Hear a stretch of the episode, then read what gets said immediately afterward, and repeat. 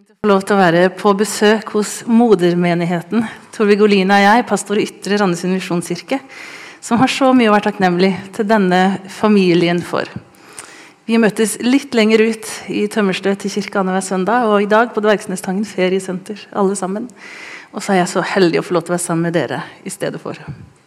Og eh, skal få lov til å starte en taleserie eh, første av tre søndager om hellig og hellighet. altså Begreper som kanskje har litt dårlig kår i vår tid. Vi snakker nok lett om Gud som kjærlighet. Og så har vi kanskje mista noe av forståelsen og hatt mindre formidling om Gud som en hellig Gud. Og så er jo spørsmålet om vi ikke da mister noe i både vårt gudsbilde og vårt trosliv. Hvis det ikke blir egentlig til åpenbaring for oss.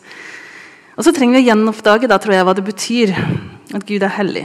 Og gjenoppdage hva det betyr at Gud kaller oss et hellig folk til å leve et hellig liv. Så over tre søndager skal dere få høre forkynnelsen om Gud, en hellig Gud i en sekulær tid. Leve hellig midt i verden. Og så det som er mitt tema i dag, om hellige vaner i en travel tid. Jeg er gift med Stein Erik og har tre barn. Og Den dagen som var liksom mest satt av til å forberede denne talen, så hadde jeg klart å sende eldstemann til skolen, minstemann i barnehagen og hun i midten, litt pjusk, til mormor for at jeg endelig skulle få en arbeidsdag til denne talen. Og når jeg endelig lander hjemme etter leveringsrunden, så er taktekkerne kommet. Og det kom jeg på at jeg burde huske. at det gjorde de, Men jeg tenkte liksom at taktekking ikke var så høylytt. For de jobba med brennere rett utenfor stuevinduet vårt. Og så satt jeg der og skulle forberede taler om hellige vaner i en travel tid. Og så kan det hende egentlig den opplevelsen beskriver noe av paradokset vi står i. At vi ønsker og vi vil, og så befinner vi oss kanskje i en tid eller en livsfase som støyer. Og så skal jeg snakke om vaner, som for noen av oss bare vekker dårlig samvittighet med en gang jeg sier ordet. For jeg, og kanskje mange med meg, jeg er en mester i gode intensjoner og en ekspert på unnasluntring. Så jeg har hatt så mye dårlig samvittighet for at jeg har begynt så godt jeg har forsøkt å legge til meg gode vaner. De sier det tar ca. 21 dager å etablere en ny, god vane.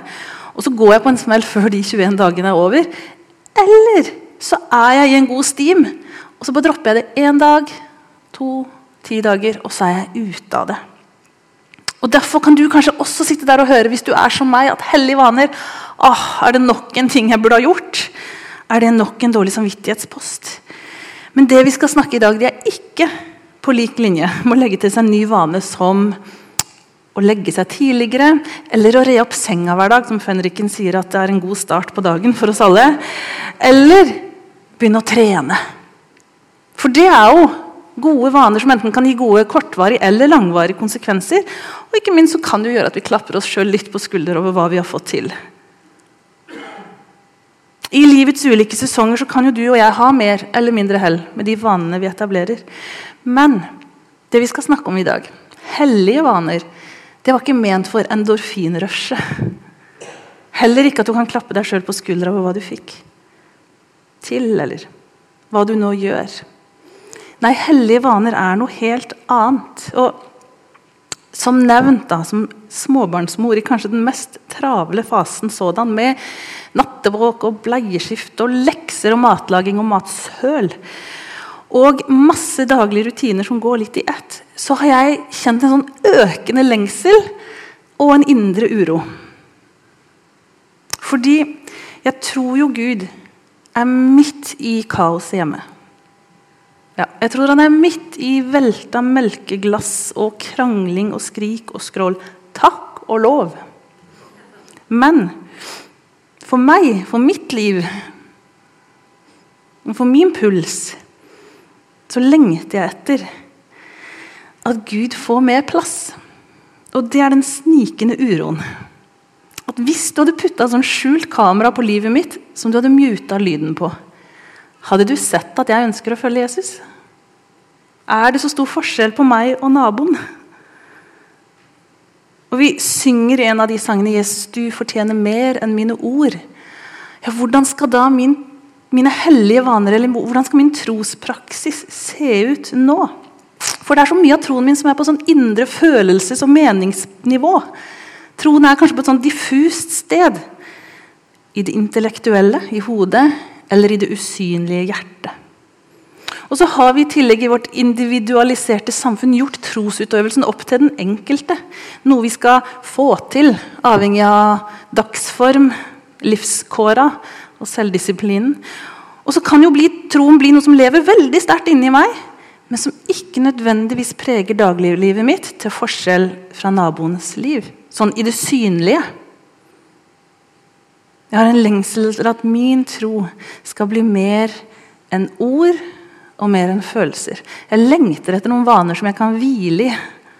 Som ikke er avhengig av inspirasjon eller sterke følelser. Jeg trenger å hvile i noen hellige vaner som synliggjør for meg og andre at Gud er hellig, og han er en stor del av livet mitt. Og vet du, Hjernen vår elsker vaner. Altså, Den bruker mye mer energi på å ta masse valg hver dag enn om de bare går på opptråkka stier. Og I en bok som en som heter Stian Aarebrot har skrevet, som heter 'Kunsten å forme livet', så sier han at vanens kanskje viktigste funksjon det er å spare krefter. For vet du at hjerneaktivitet er noe av det mest energikrevende arbeidet kroppen kan holde på med. Så hjernen er egentlig alltid ute etter å finne måter å spare krefter på. Det er altså latskap som er vanenes mor, sier Stian. For når vi gjør det som er blitt en rutine, så krever de gjøremåla nesten ingen energi. Noe, altså det å etablere vaner kan lett oppfattes som et ork, men faktisk er det det å ikke ha vaner som er energikrevende, sier Stian. Så hjernen vår lengter etter vaner. Og så tror jeg vår ånd lengter etter hellige vaner. Så må vi begynne med hva betyr da hellig, eller hellighet? Jo, man kan si at det er å være rensa og adskilt. Tilgjengelig til bruk for Gud. Og jeg tenker på hellige vaner som å slippe Gud til i livet mitt. For å både rense meg, men også gjøre meg tilgjengelig for at Gud skal bruke meg. Og jeg, jeg tenker på det som at det, det, er vinduer jeg kan åpne i livet mitt. I, hverdag, I hverdagslivet mitt. Gud fyller alt i alle. Han er overalt alltid. Og Likevel så kan jeg bli så oppslukt av meg og mitt at jeg av og til må lufte. Lufte ut min selvopptatthet og av og til stank. Slippe inn frisk luft. Kanskje også den bevisstheten om at Jesus, du er her. Og Hellige vaner det kan være sånne vindusåpnere, av og til i farta, som på gløtt. Mens jeg av og til egentlig gjør noe annet, så gjør jeg likevel den tingen som gjør meg bevisst på om det er å kjøre bil og be, eller idet garasjeporten åpner seg, be en bønn, be velsignelsen. Og så er det ingen tvil om at Hvis jeg bare får til å åpne de vinduene og av og til på vidt gap og ha god tid så det skikkelig får lufta ut, så står Gud alltid klar for å møte oss. Og det står i Johannes' åpenbaring at se, jeg står for døra og banker. Om noen hører min røst og åpner døra, så vil jeg gå inn til han og holde måltid. Jeg med han og han med meg. Og Han vil inn i livet ditt. og Dette verset henspeiler nok til det å ta imot Jesus i frelsen og begynne det evige livsfellesskapet med han. Og Samtidig så tror jeg det også er nødvendig med noen sånn nye overgivelser. Slipp han litt mer til og la han få lov til å prege meg. Og Dagens mann som vi skal gå til, det er Daniel fra Daniels bok. Daniel ble bortført fra sitt hjemland som tenåring. Han ble utvalgt blant de ypperste unge mannfolka. Og Så ble han tatt ut av sin kultur, av sitt språk, sitt trosfellesskap. og Nå befinner han seg i Babylon.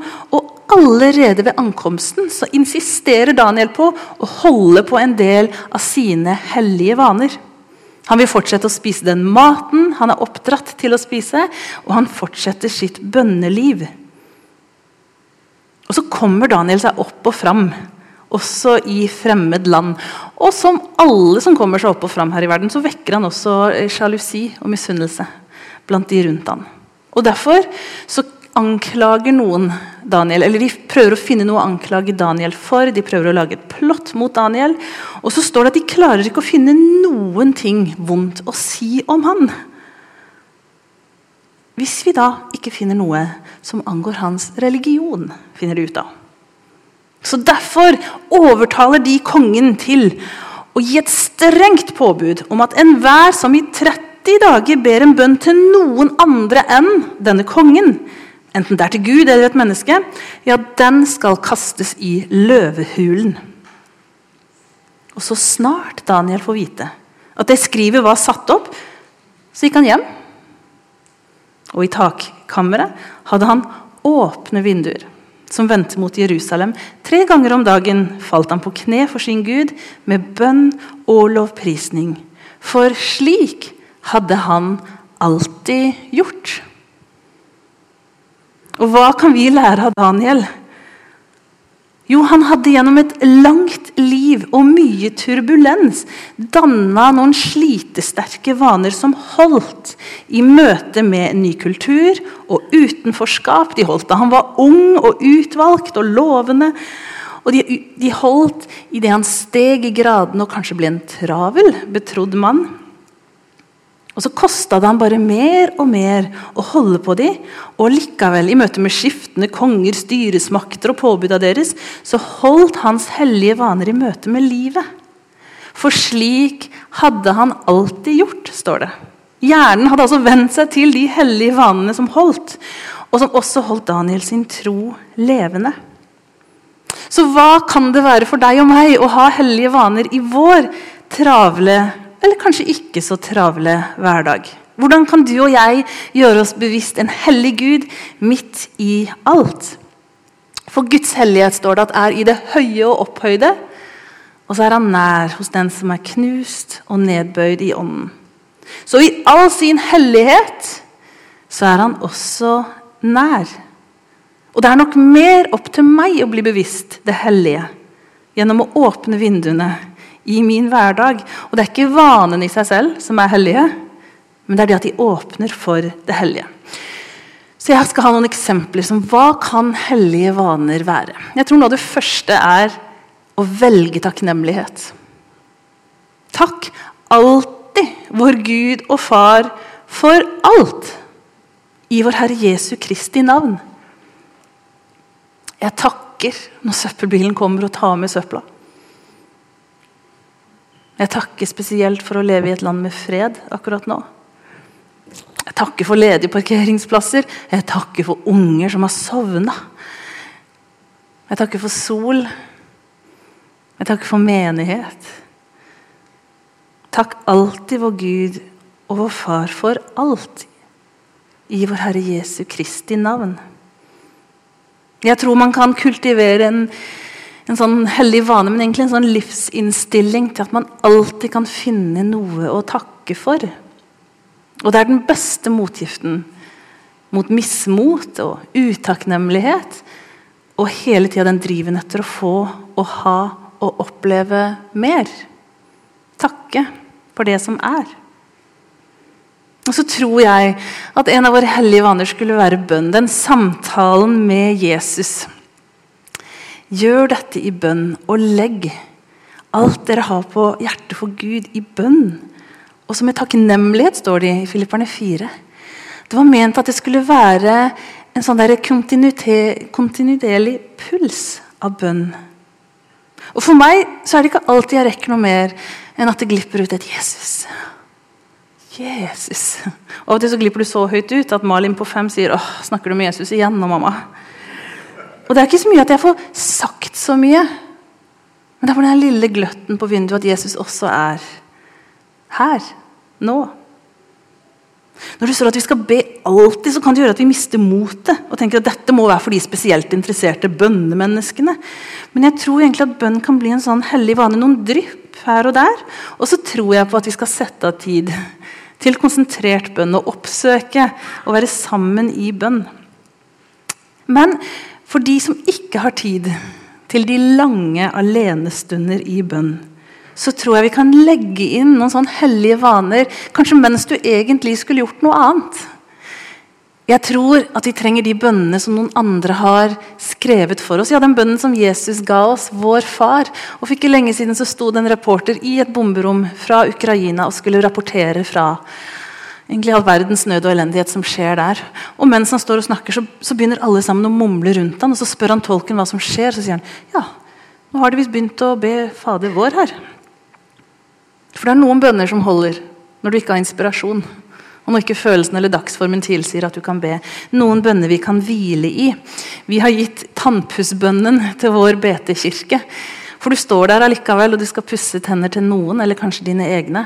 Så går det an å takke for dagen som kommer, eller dagen som har vært. Eller så kan vi også be tidebønner. Den gaven der å be bønner som har blitt bedt i mange tusen år.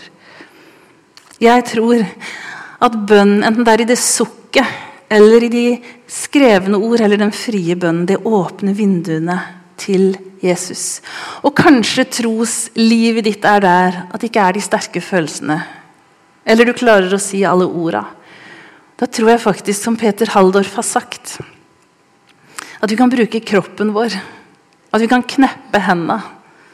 At det går an å bøye kne. Og så sier han altså at å knele og løfte hender ikke bare er midler for å oppnå bønn, men at også det er bønn. Så kanskje det er alt du klarer i noen tros- og livsfaser. Men så kan du i hvert fall la kroppen bli med i bønn.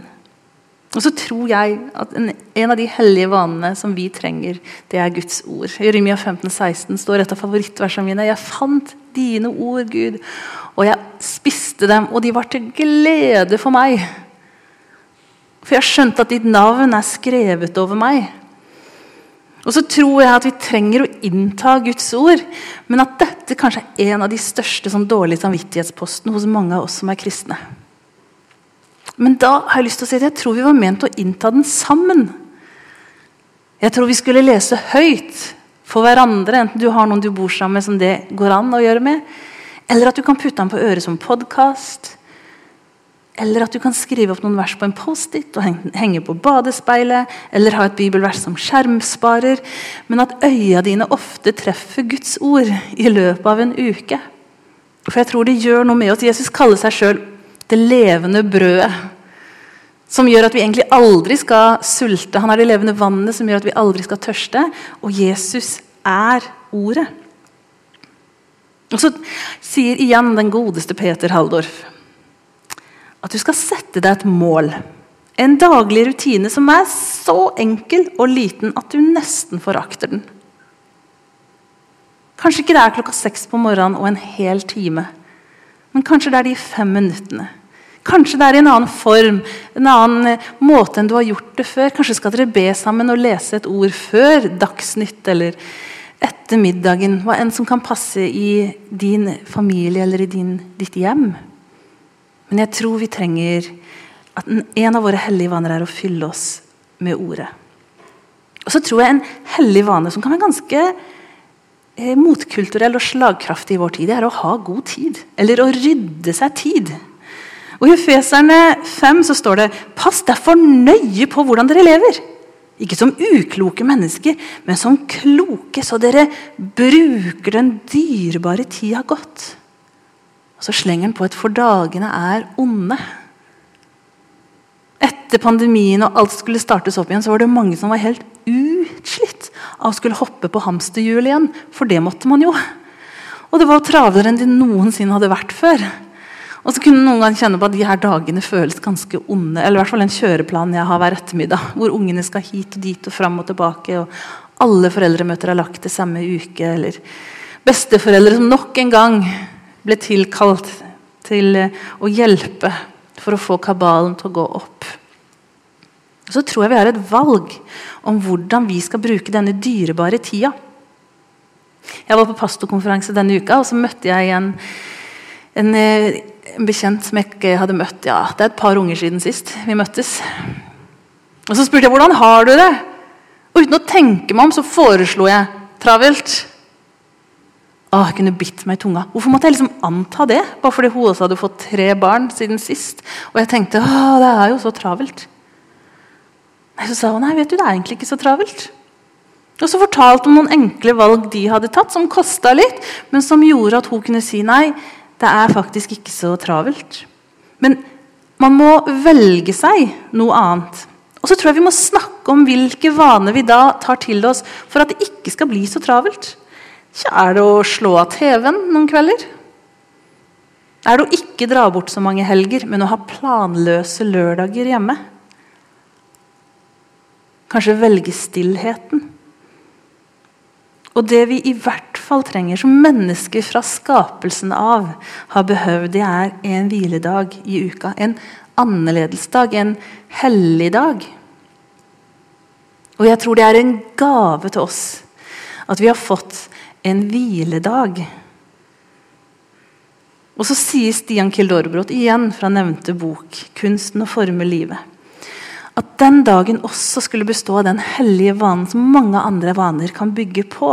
Han sier at gudstjenesten den er selve grunnmuren som alle andre kristne praksiser hviler på. De som får dreieskiva til å gå rundt. Det som forankrer alle andre kristne vaner og praksiser. For vi skulle jo være det derre heia, heia-fellesskapet. Hvor vi kom og sa at denne uka har jeg ikke fått det til. Denne uka så kjenner jeg at det ikke har vært så mye Jesus og ikke så mye bønn og ikke så mye Bibel. Og så er det noen som kan heie på at vet du hva, ny nåde, nye muligheter. Eller så kan du komme og si vet du jeg har fått til dette. Og så kan du kjenne at lovsangen blir annerledes, og talen lander i noe annet. Fordi det er noe som er litt nytt. Og så er gudstjeneste og menighetsfellesskapet så utrolig viktig for at ikke også hellige vaner blir et sånn individualisert prosjekt på hva jeg får til, og hva jeg får ut av det. Nei, vi var ment å gjøre dette troslivet sammen. Og da trenger vi å være sammen og minne hverandre på hvem vi er, og hvem vi tjener. Og så kunne jeg nevnt flere hellige vaner som fasten. Jesus snakker som om man bare forventer at ja, men nå er jo brudgommen her, da trenger de ikke faste. Men det kommer en tid. Det er nok en hellig vane som noen har mer eller mindre erfaring med, som jeg også tror vi skulle gjøre i fellesskap. Tiende. Alt jeg har, har jeg fått, og 90% av det er jeg betrodd og forvalter sjøl, men ti av det tilhører Herren. Det er en hellig vane som man aldri kan begynne for tidlig med. Og så tror jeg å bekjenne synd for hverandre, å leve i lyset, være åpne om det vi ikke fikk til, og det som gjør at vi er våkne på natta. Og som kan ta fra oss både frimodigheten og nattesøvnen. Det trygge rommet hvor noen også kan tilsi deg syndenes tilgivelse, det tror jeg er en god, hellig vane. For disse tre tenker jeg sparker litt mot selvsentrertheten, materialismen og fasaden. Og jeg tror vi trenger hverandre til å lage disse hellige vanene. Jeg tror vi må snakke høyt om alle forsøka som ikke gikk. Om alle intensjonene som ikke ble i praksis. Og så må vi gi masse nåde og mulighet for å ikke klare, men fortsette å forsøke. Og så tror jeg vi må ta små steg, kanskje så små at du forakter litt en sped begynnelse. Men så kan hjernen etter hvert bare plukke opp at dette var veldig avslappende. Enten det er at du finner deg den stolen og den koppen hvor du hver dag skal begynne med fem minutter, og så skal det ikke mer til etter en stund at hjernen din når den setter seg i den stolen, og kanskje får til og med tak i koppen, så er det automatisk sånn ja, men nå mangler jo Bibelen. For det er min hellige vane. Finn de mulighetene du har til å åpne opp vinduene for den hellige. Han som elsker deg og ser på deg med godhet. Og så tror jeg egentlig at vi åpner noen små vinduer som kan gi oss et glimt inn i evigheten. Og Han som venter oss der. Jeg fikk gå i samtale med en sånn bønnedame, ei som levde og ånda i Guds nærvær og i det bønnehuset hun bodde. Jeg fikk snakke med og be med henne, og la fort merke til et broderi som hang på veggen hennes. Der sto det 'Se mer på Jesus'. Se mer på Jesus. Det er ikke et bibelvers. Det var et broderi. Og det var et, eh, en, en livsbønn, tenker jeg. Og i alt som jeg har sagt i forhold til vaner og som utfordrer min, selvdisiplin og hvordan skal jeg få til dette, og nå rekker jeg å tenke på det, så håper jeg at vi kan huske disse orda. Ikke som en 'det burde jeg', å, men som en lengsel klarer jeg å se mer på Jesus. Og Jeg driver og ser The Chosen for tiden, en gratis app som har filmer om Jesu liv. Og jeg er helt sånn nyforelska i Jesus. Jeg ser ham for meg, både her og der. Jeg ser for meg at han sitter rundt middagsbordet eller med meg på bussen eller i salen her. Og så tenker jeg at jeg trenger noen sånn friske åpenbaringer av hvor fantastisk han er. Og så gjør det noe med når jeg leser i Bibelen òg. Se mer på Jesus. Ja, det får jeg lyst til. Og det er også oppsummert mitt livsønske. tenker jeg, Hva kan jeg gjøre for at jeg skal klare å se mer på deg, Jesus? Hva er det jeg må slå av? Hva er det jeg må legge ned? Men ikke minst, hva er det jeg kan åpne av vinduer? Hva er det jeg kan gjøre for å lufte ut mitt eget, så det blir plass til Han? Så jeg kan slippe til Ånden, og at jeg kan få la Gud prege meg ved sin ånd. Se mer på Jesus. Det er vår bønn, Herre. Du som lar ditt øye hvile på oss og gi oss råd, Gud. Du som sendte din sønn for at vi skulle få se hvem du virkelig er. Og du som etterlot Den hellige ånd for å herliggjøre hvem du er, Jesus. Jeg ber om at vi skal få gå inn i en tid som i takt med våren som blomstrer og springer fram, så skal det også vekkes en sånn lengsel etter å se mer på deg, Herre. Jeg ber om at du skal tale til den enkelte en av oss om hvilke muligheter vi har, hvilke vinduer vi har, akkurat sånn livet er nå. Hvilke muligheter vi har til å åpne noen vinduer og slippe deg til.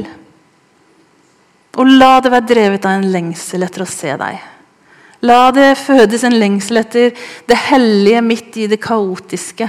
Den opphøyde nær i det som egentlig er ganske knust og kjipt nå. Vi har lyst til å slippe deg til i livet våre. Og så er jeg så glad for at du står for døra og banker. Og selv om du har flytta inn, så står du fortsatt klar til å bare innta nye rom og komme med friskt pust og befri oss fra det som bare tar livsglede og energi fra oss.